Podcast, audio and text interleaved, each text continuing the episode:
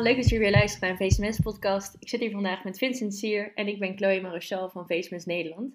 En we hebben vandaag de gast Aniek Berg, CTC uh, AIOS, dus cardiothoracale chirurgie sinds kort. Ja, welkom en bedankt. ja, zou je misschien nog even willen voorstellen aan de luisteraars?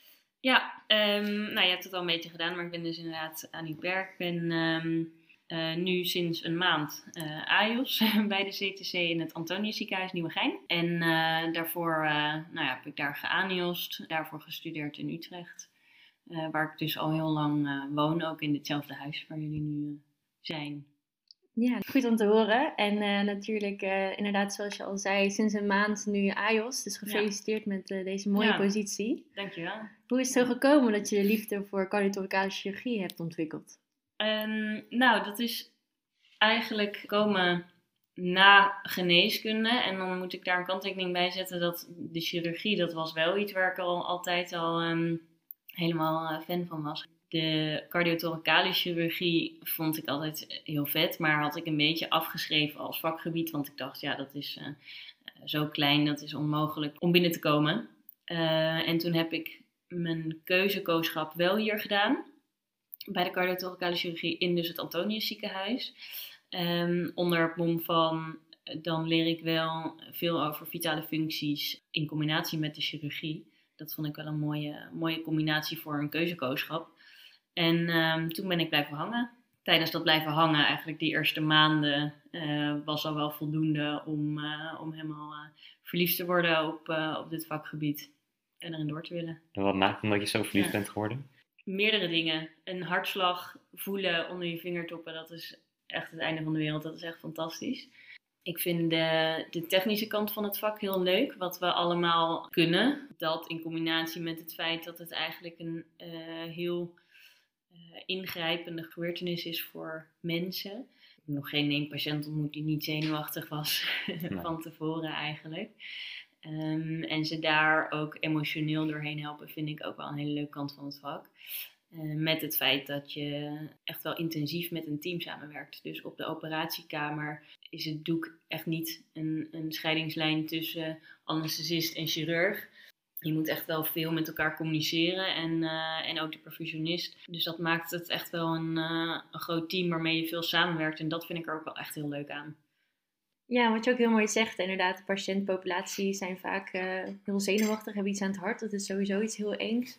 Uh, myocardinfarct, nou, hartaanval ja. is iets wat uh, gevreesd wordt uh, binnen de populatie. Ja. Maar toch hoor je in de wandelgangen van de ziekenhuizen vaak dat bij cardiothoracale chirurgie juist weinig patiëntcontact is. Heb je dat anders ervaren? Ja, nee, dat is wel zo vergeleken met andere vakgebieden zeker. Um, er zijn wel polies. Dat is de preoperatieve poli, dus daar leggen we uit wat er allemaal gaat gebeuren en kijken we wat we verder nog nodig hebben voor de workup. Um, we hebben ook een postoperatief poli voor um, eigenlijk problematiek rondom de directe operatie en dan met name op chirurgisch vlak of als ze net zijn ontslagen. Maar uiteindelijk na, vanaf drie weken is de follow-up weer bij de cardioloog. Dus dat is zeker waar. Echt dat, dat lange termijns uh, relatie die bouw je niet op met je patiënten, tenzij je de aortachirurgie bijvoorbeeld uh, meer doet. Dat zijn wel patiënten die we zelf opvolgen, maar dat is ja, met intervallen van een jaar, twee jaar. Dus dat is ook wel een stuk minder intensief dan veel vakgebieden. Dus dat klopt zeker. Het is echt met name tijdens de opname dat je het patiëntcontact dan hebt. En dat moet je ook wel een beetje zelf opzoeken. Is dat ook iets wat je zou willen opzoeken? Ja, ik merk ook wel dat uh, patiënten het echt fantastisch vinden als, je, als de chirurg postoperatief nog langsloopt, um, al is dat één keer. Daar hebben ze vaak echt wel heel veel aan, uh, om een soort toch een mentale boost te geven. Uh, dus dat zou ik zeker wel willen doen. Ik vind het nu ook altijd wel leuk als ik mensen ken of mensen die langer opgenomen liggen, om even langs te lopen als ik bijvoorbeeld nachtdienst heb of, uh, of wat dan ook. Even hooi zeggen, kijk hoe het gaat. Ja, zo ontzettend waardevol natuurlijk. Merk je ook dat daar um, aandacht aan wordt geschonken binnen de opleiding? Um, binnen mijn opleiding van een maand. ja, nou ja, goed hè. Ik bedoel, um, je loopt al wat langer op de afdeling rond. Ja, nee, nou, in die zin denk ik dat het, het merendeel van de aandacht die ligt bij, als je het hebt over de patiënt, uh, arts-patiënt band, zeg maar, of, of band, maar de, het contact dan is het merendeel ligt dan echt bij de, de preoperatieve uitleg omtrent wat er allemaal gaat gebeuren. Een beetje verwachtingsmanagement. Daar is wel, wel echt aandacht voor. En dat is denk ik ook wel een van de belangrijkste dingen, want het is toch wel een risicovolle operatie, uh, meestal. Merendeel van de operaties die we doen. Um, echt dat, dat langere termijn uh, opbouwen van een band niet zozeer, maar ja, daarvoor kies je het vak ook niet uiteindelijk. Nee, precies. Nee, want dan moet je toch inderdaad een ander vak kiezen als, als dat is wat je zoekt. En daarbij uh, is na cardiothoracale chirurgie natuurlijk naast hart ook uh, de longen. Wat vind jij het meest interessant van de twee? Hart. Ja. 100%. Ja, nou, niet 100%. Ik vind de longen ook echt wel heel leuk. de longoka's zijn wat dat betreft wel heel anders, want het is een stuk meer prepareerwerk uh, eigenlijk dan, dan de hartoperaties. Um, dus dat is eigenlijk op een andere manier ook wel heel leuk. Maar uh, nou ja, zo'n hart zien kloppen en inderdaad onder je vingers voelen, dat is wel uh, hoe krachtig zo'n hartslag dan kan zijn. Dat is, vind ik wel het leukste. Ja, ja mooi om te horen. Als ik je ook zo zie praten, dan zie ik ook echt gelijk de enthousiasme ervan afspringen. Hè? Dat het echt je passie is. Dus dat is wel heel mooi om te zien. Um, daarnaast zei je ook heel mooi van, nou, ik dacht eigenlijk nooit dat ik binnen zou komen. En je hebt het toch maar geparkeerd. Maar hoe is het dan toch gekomen dat je dan toch hier zit als ALCTC? Ja, nou ja, dus een, een deel had ik inderdaad verteld. Um, mijn kooschap was me wel bevallen. Ik vond het eigenlijk hartstikke leuk. Het leuke aan bij de CTC is dat je ook al als, uh, als uh, co-assistent of semi-arts of anios echt wel veel exposure krijgt op de operatiekamer. Dus ik kon veel uh, assisteren als co-assistent de venen halen. dus de venectomieën doen, en leren en op den duur doen. Eh, bij de bypassoperaties. Um, en dat, dus dat vond ik wel heel leuk. En toen uh, beviel dat blijkbaar van twee kanten wel. Toen hebben ze gevraagd of ik daar wilde aanjossen. En dat was aanvankelijk niet helemaal mijn plan. Mijn plan was om bij de heelkunde dus te beginnen als anios wat breder, omdat ik nog niet wist uh, wat voor zorgchirurg ik wilde worden. Um, alleen dat ik op de operatiekamer uh, wilde staan en, in het ziekenhuis werken, dat is wel echt, uh, dat wist ik wel echt zeker. Dat, daar krijg ik veel energie van. Um, en toen heb ik dat dus veranderd omdat ik dacht, nou, de exposure op de operatiekamer ook als anios en wat ik hier allemaal leer, dat is waar dan ook eigenlijk wel heel waardevol. Dus dan ga ik hier aanjossen en dan kan ik altijd kijken wat ik, uh, wat ik daarna wil doen. En na een paar maanden was ik uh, helemaal verliefd. en uh, ja, ik krijg gewoon ontzettend veel energie van, van de dynamiek um, binnen dit vakgebied, denk ik. En met de operatiekamer, het team wat ik net al even noemde. Dat zijn ook gewoon hele leuke mensen waar we nu mee, waar we mee samenwerken. Dus dat helpt altijd. Um, zodoende heb ik gedacht, nou dan, dan ga ik ervoor. Ja. Ja, het is heel mooi dat je zoveel energie ook uit je hè, beroep kunt halen als het ware. Ja. Um, maar we zitten hier natuurlijk nadat je een aantal diensten hebt gehad uh, ja. op je vrije dag. Kom uit de um, nachtdienst, ja. En ik denk dat veel mensen zich ook wel af zullen vragen, ja, hoe combineer je dat nou met een privéleven? Ja, um, nou ik heb het vak niet gekozen omdat ik het heel erg wil combineren met een uitgebreid privéleven. Ja. um, het is wel geneeskunde en, en in het ziekenhuis zijn. Um, voelt wat dat betreft wel. Ja, het klinkt een beetje cliché, maar als, als waar ik voor leef.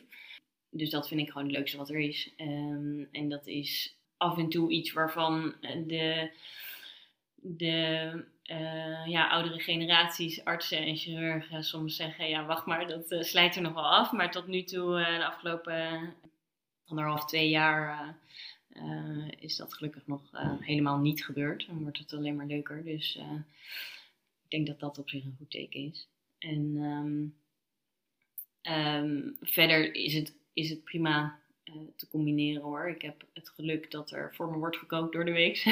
maar um, ik heb wel als ik thuis kom nog tijd om te sporten of Um, wat, uh, wat zelfstudie te doen. En in de weekenden zie ik ook zeker wel familie of vrienden.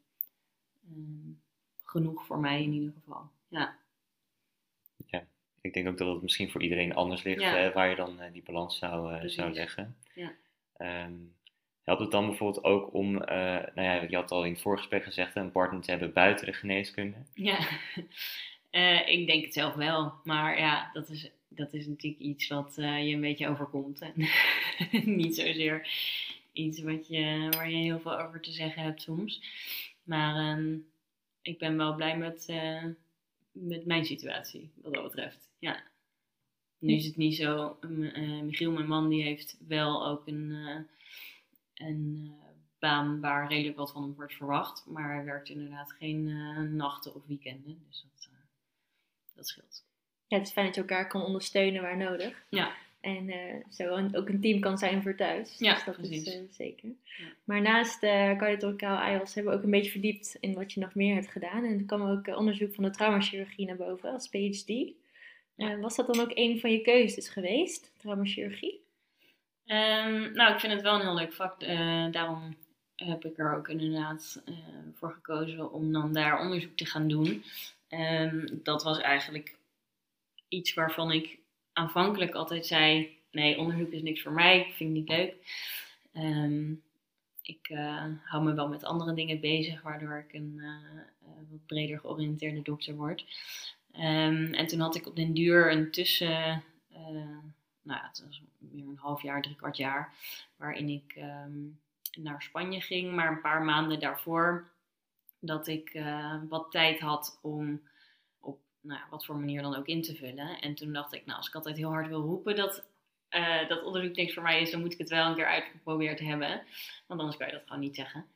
Zo ben ik dan ook wel weer. En toen, um, toen heb ik dus Marijn Howard gemaild vanuit uh, het kooschap wat ik net had gelopen. En gevraagd of hij uh, iets had liggen. En dat was zo. Dus uh, en toen ben ik daar een beetje blijven plakken. Want het was toch wel, wel leuker dan ik dacht. En ook wel. Um, ik zie er ook door te doen wel echt de meerwaarde van in voor iedereen. En ik denk niet dat dat in de vorm van een PhD hoeft. Um, maar onderzoek doen, denk ik, is wel, helpt wel echt om in de kliniek ook gewoon te kijken naar um, de ontwikkelingen en die een beetje in het juiste licht te plaatsen. Want sommige onderzoeken die gedaan worden, ja, daar kan je gewoon niet zoveel mee. En, en dat weet je wel pas als je zelf wat ervaring hebt, denk ik. Ja. En denk je nu met die ervaring ook dat je later wat meer onderzoek zou willen doen? Of dat ze aan zou willen blijven houden? Um, ik sluit het niet uit. Ik vind onderwijs ook heel leuk. Um, en dus ja, het is een beetje de vraag wat, wat denk ik ook de kansen zijn die langskomen op den duur. Um, maar ik vind het, uh, ik heb wel gemerkt sowieso dat als je onderzoek doet uh, naar iets waar je veel van weet, dat het een soort vicieuze cirkel wordt. En dan wordt het onderzoek leuker en dan wordt wat je aan het doen bent leuker. Dus uh, ja, mogelijk. Maar ik hoor nu wel uh, inderdaad de gouden combi onderwijs, onderzoek en uh, chirurg zijn. Zou je dan uiteindelijk ook naar de academie willen gaan? Ja, dat weet ik ook nog niet zo goed. Um, dat is dan wel weer het, uh, of nou ja, nadeel, maar ik heb natuurlijk alleen in, in een perifeer centrum gewerkt tot nu toe. En dat is wel een hele grote, dus we doen er ontzettend veel. Maar um, het zijn geen academische dagen, wat dat betreft. Het is wel echt een perifeer centrum. En um, ja, dus dat is iets wat ik meer zou moeten ervaren, denk ik. En ook gewoon uh, kijken waar is er plek. Want het is natuurlijk ook niet zo dat je uh, altijd alles maar uh, voor de volle 100% kan dicteren. Ja, wel eens iets voor over zes jaar. ja, zeker. Ja, ik, ik, ik, hoor dan onderwijs en onderzoek en dan moet ik eigenlijk ook gelijk aan VCMS denken. Ja. Dus dan toch om dat bruggetje te slaan. Um, jij hebt ook in het bestuur van VCMS Nederland gezeten. Ja. En um, nou ja, wij zitten er natuurlijk nu in. Uh, maar hoe heb jij dat toen ervaren? Ja, ik vond dat ontzettend leuk. Um, dan komen we ook weer een beetje op het teamwerk, denk ik. Want ook bestuur doe je wel echt als, als groep met elkaar.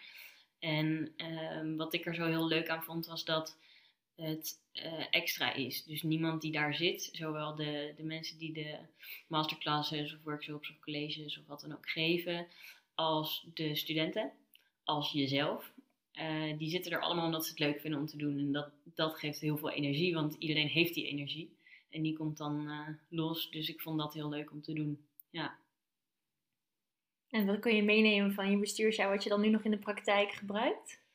Ehm, nou, ik denk met name dat uh, de langere visie, uh, dat je echt kijkt van waar willen we uiteindelijk heen? Wat is iets wat we um, uh, mensen willen meegeven? Wat is, hè, wat is voor nu belangrijk? Wat is straks belangrijk?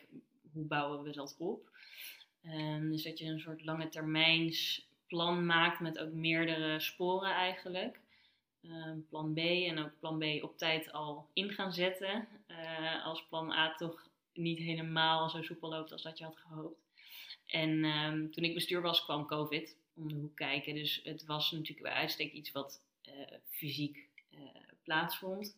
Heel veel in collegezalen met iedereen bij elkaar. En dat kon niet meer. Dus crisismanagement, dat was er ook wel één wat ik ervan heb meegenomen. Ja.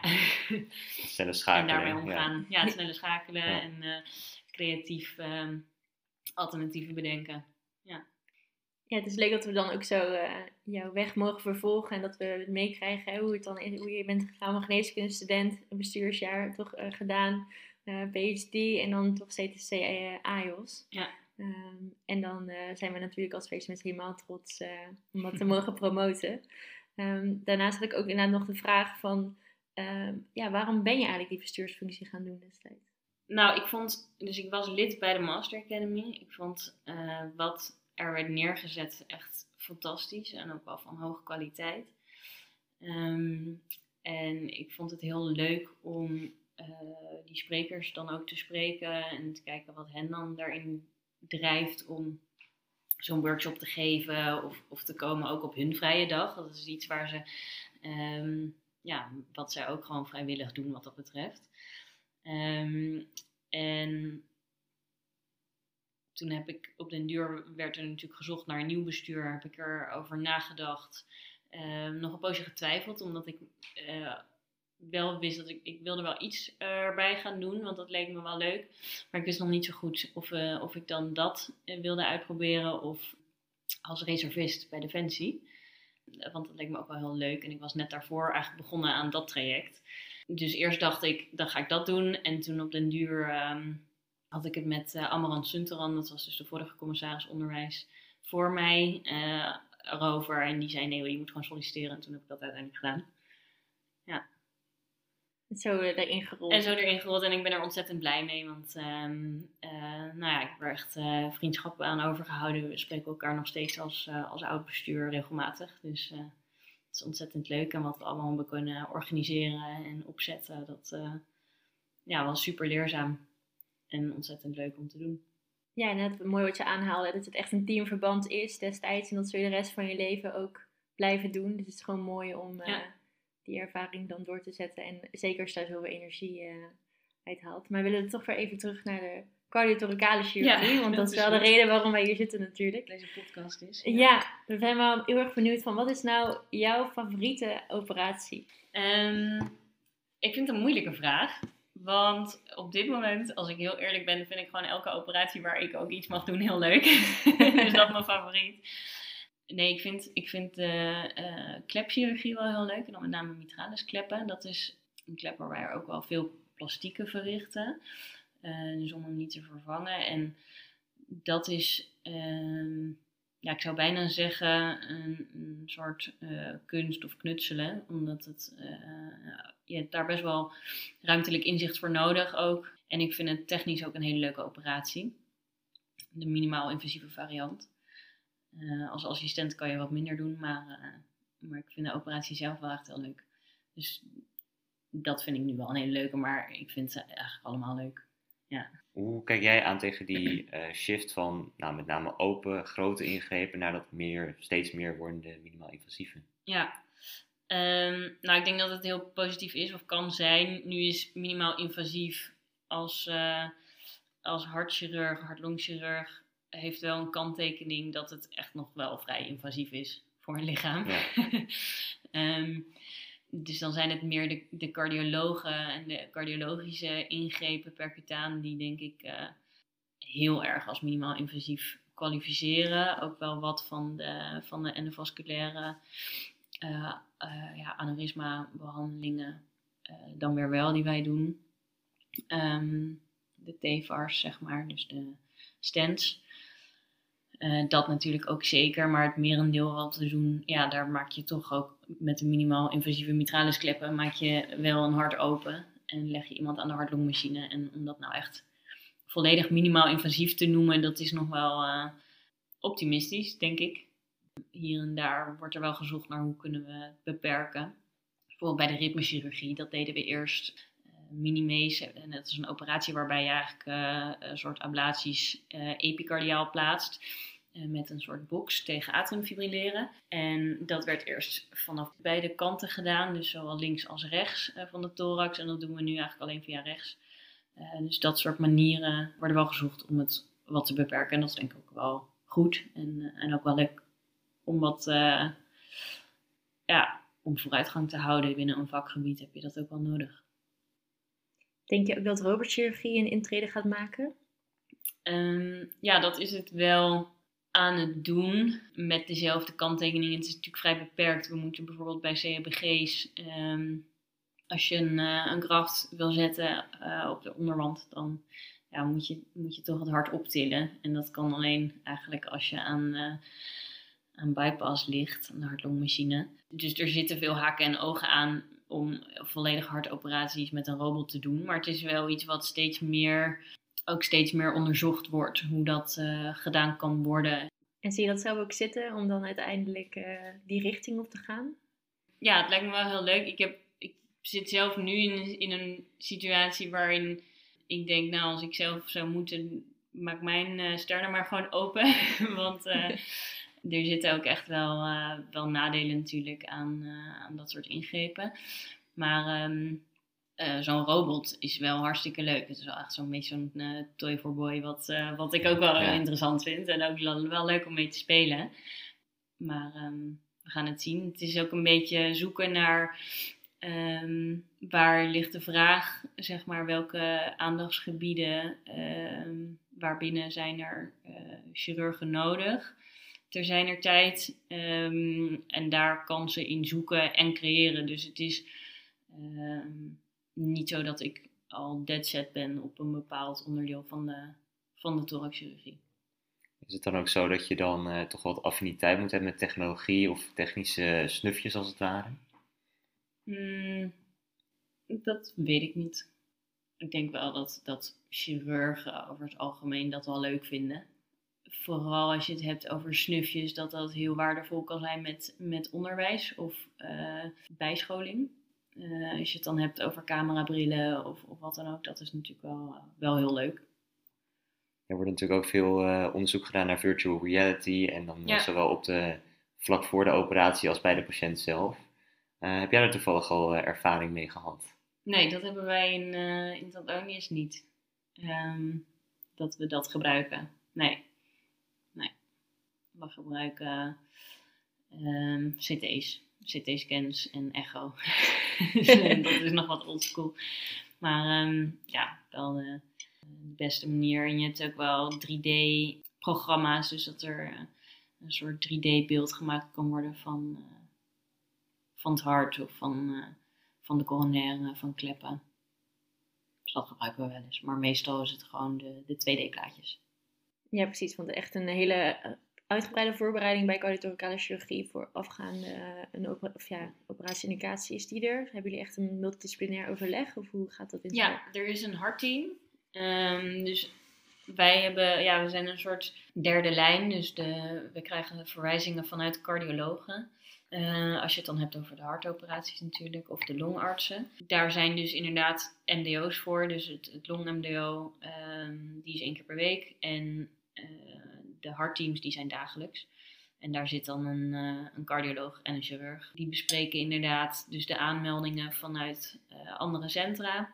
En wat het plan gaat worden, of het uh, nou ja, een PC wordt of een COBG. Of dat het een, een TAVI wordt, dus een transfemorale arterklepvervanging. Of een, of een chirurgische open ingreep. Vanaf daar, als dan dus wordt besloten dat het een operatie wordt, dan, uh, dan gaan we patiënten opwerken daarvoor. En hebben we vaak nog wat extra beeldvorming nodig. Of uh, willen we hier eerst iemand klinisch beoordelen als het, als het een, iemand is met een nou, wat uitgebreidere voorgeschiedenis. Ja. Ja, nou, ik zat toch nog wel even te denken, want je hebt natuurlijk van allerlei soorten specialismen in het ziekenhuis. Ehm, en ik denk van oudsher, maar ook hoe dat op de een of andere manier geportretteerd wordt op het internet, worden cardiotoracaal chirurgen misschien toch wel gezien als een soort godheid eh, binnen, de, binnen het ziekenhuis. Ik vroeg me af, uh, hoe kijk jij daar nou tegenaan? Um, nou, het is wel grappig dat je dat zegt. Ik had toevallig laatst waren we met uh, alle AIOS in Nederland bij een, bij een soort trainingssessie. En toen, toen kwam dit ook ter tafel. Um, dus blijkbaar wordt er verschillend naar gekeken, maar ik, ik zie dat niet zo. Nee, nee, het is echt een voorrecht, denk ik, uh, om dit te kunnen en mogen doen. Nee, ik denk eerder dat, dat het je eigenlijk heel nederig maakt. Ik bedoel, het is wel een vakgebied, als we eerlijk zijn, waar veel uh, ook nare complicaties gebeuren. Um, dus dat zou ik zeker niet willen zeggen. Nee, wat je ook al mooi zegt, hè, van uh, nederigheid misschien ook wel in het komen uh, van een opleiding, hè, omdat er zo weinig plekken zijn per jaar. Ja. Hoeveel opleidingsplekken zijn er nou eigenlijk per jaar? Um, er zijn twaalf opleidingscentra, als ik het goed zeg, um, waarbij elk centrum ongeveer om het jaar een plek heeft om te vergeven.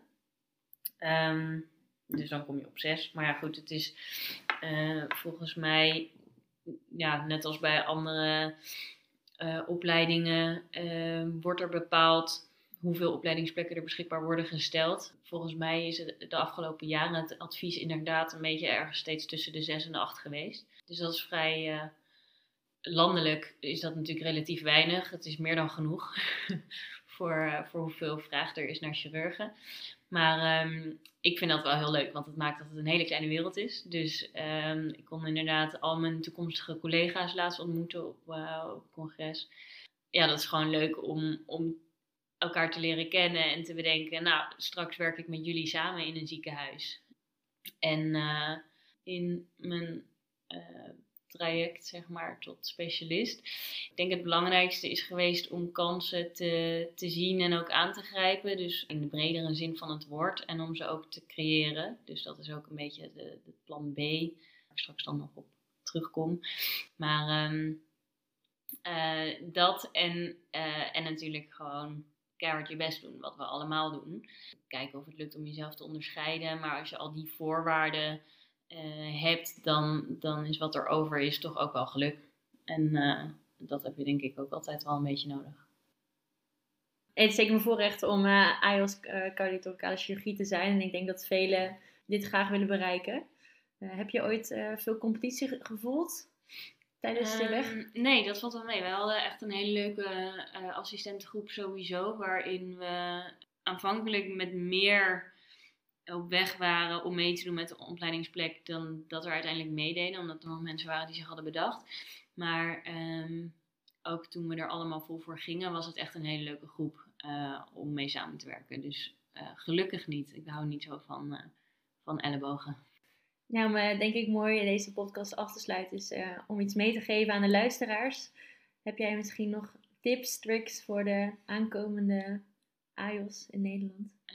ja, ja, kijk, ik denk dat het belangrijkste is, um, kijk waar je wil staan over 10, 20, 30 jaar. Wat wil je doen als je 55, 60 bent?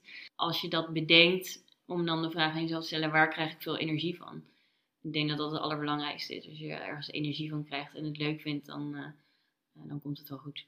Moet ik toch nog even de vraag stellen, hoe ziet jouw leven eruit als je 60 bent? ja, goede vraag.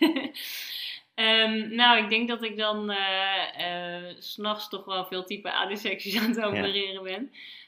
Um, het is wel, dit is wel een vakgebied waar je natuurlijk in de dienst regelmatig uit moet. Um, en de diensten, als je dienst hebt, toch ook wel vrij urgente of acute dingen kunnen gebeuren. Dat zal niet iets zijn waar je altijd even blij mee bent als, die, als dat telefoontje gaat. Maar um, nee, ik denk dat ik dan uh, uh, nog steeds volledig op mijn plek ben in het ziekenhuis op de operatiekamer. Ja. Dankjewel. Dankjewel voor het uh, Ja, graag gedaan. Dank jullie wel.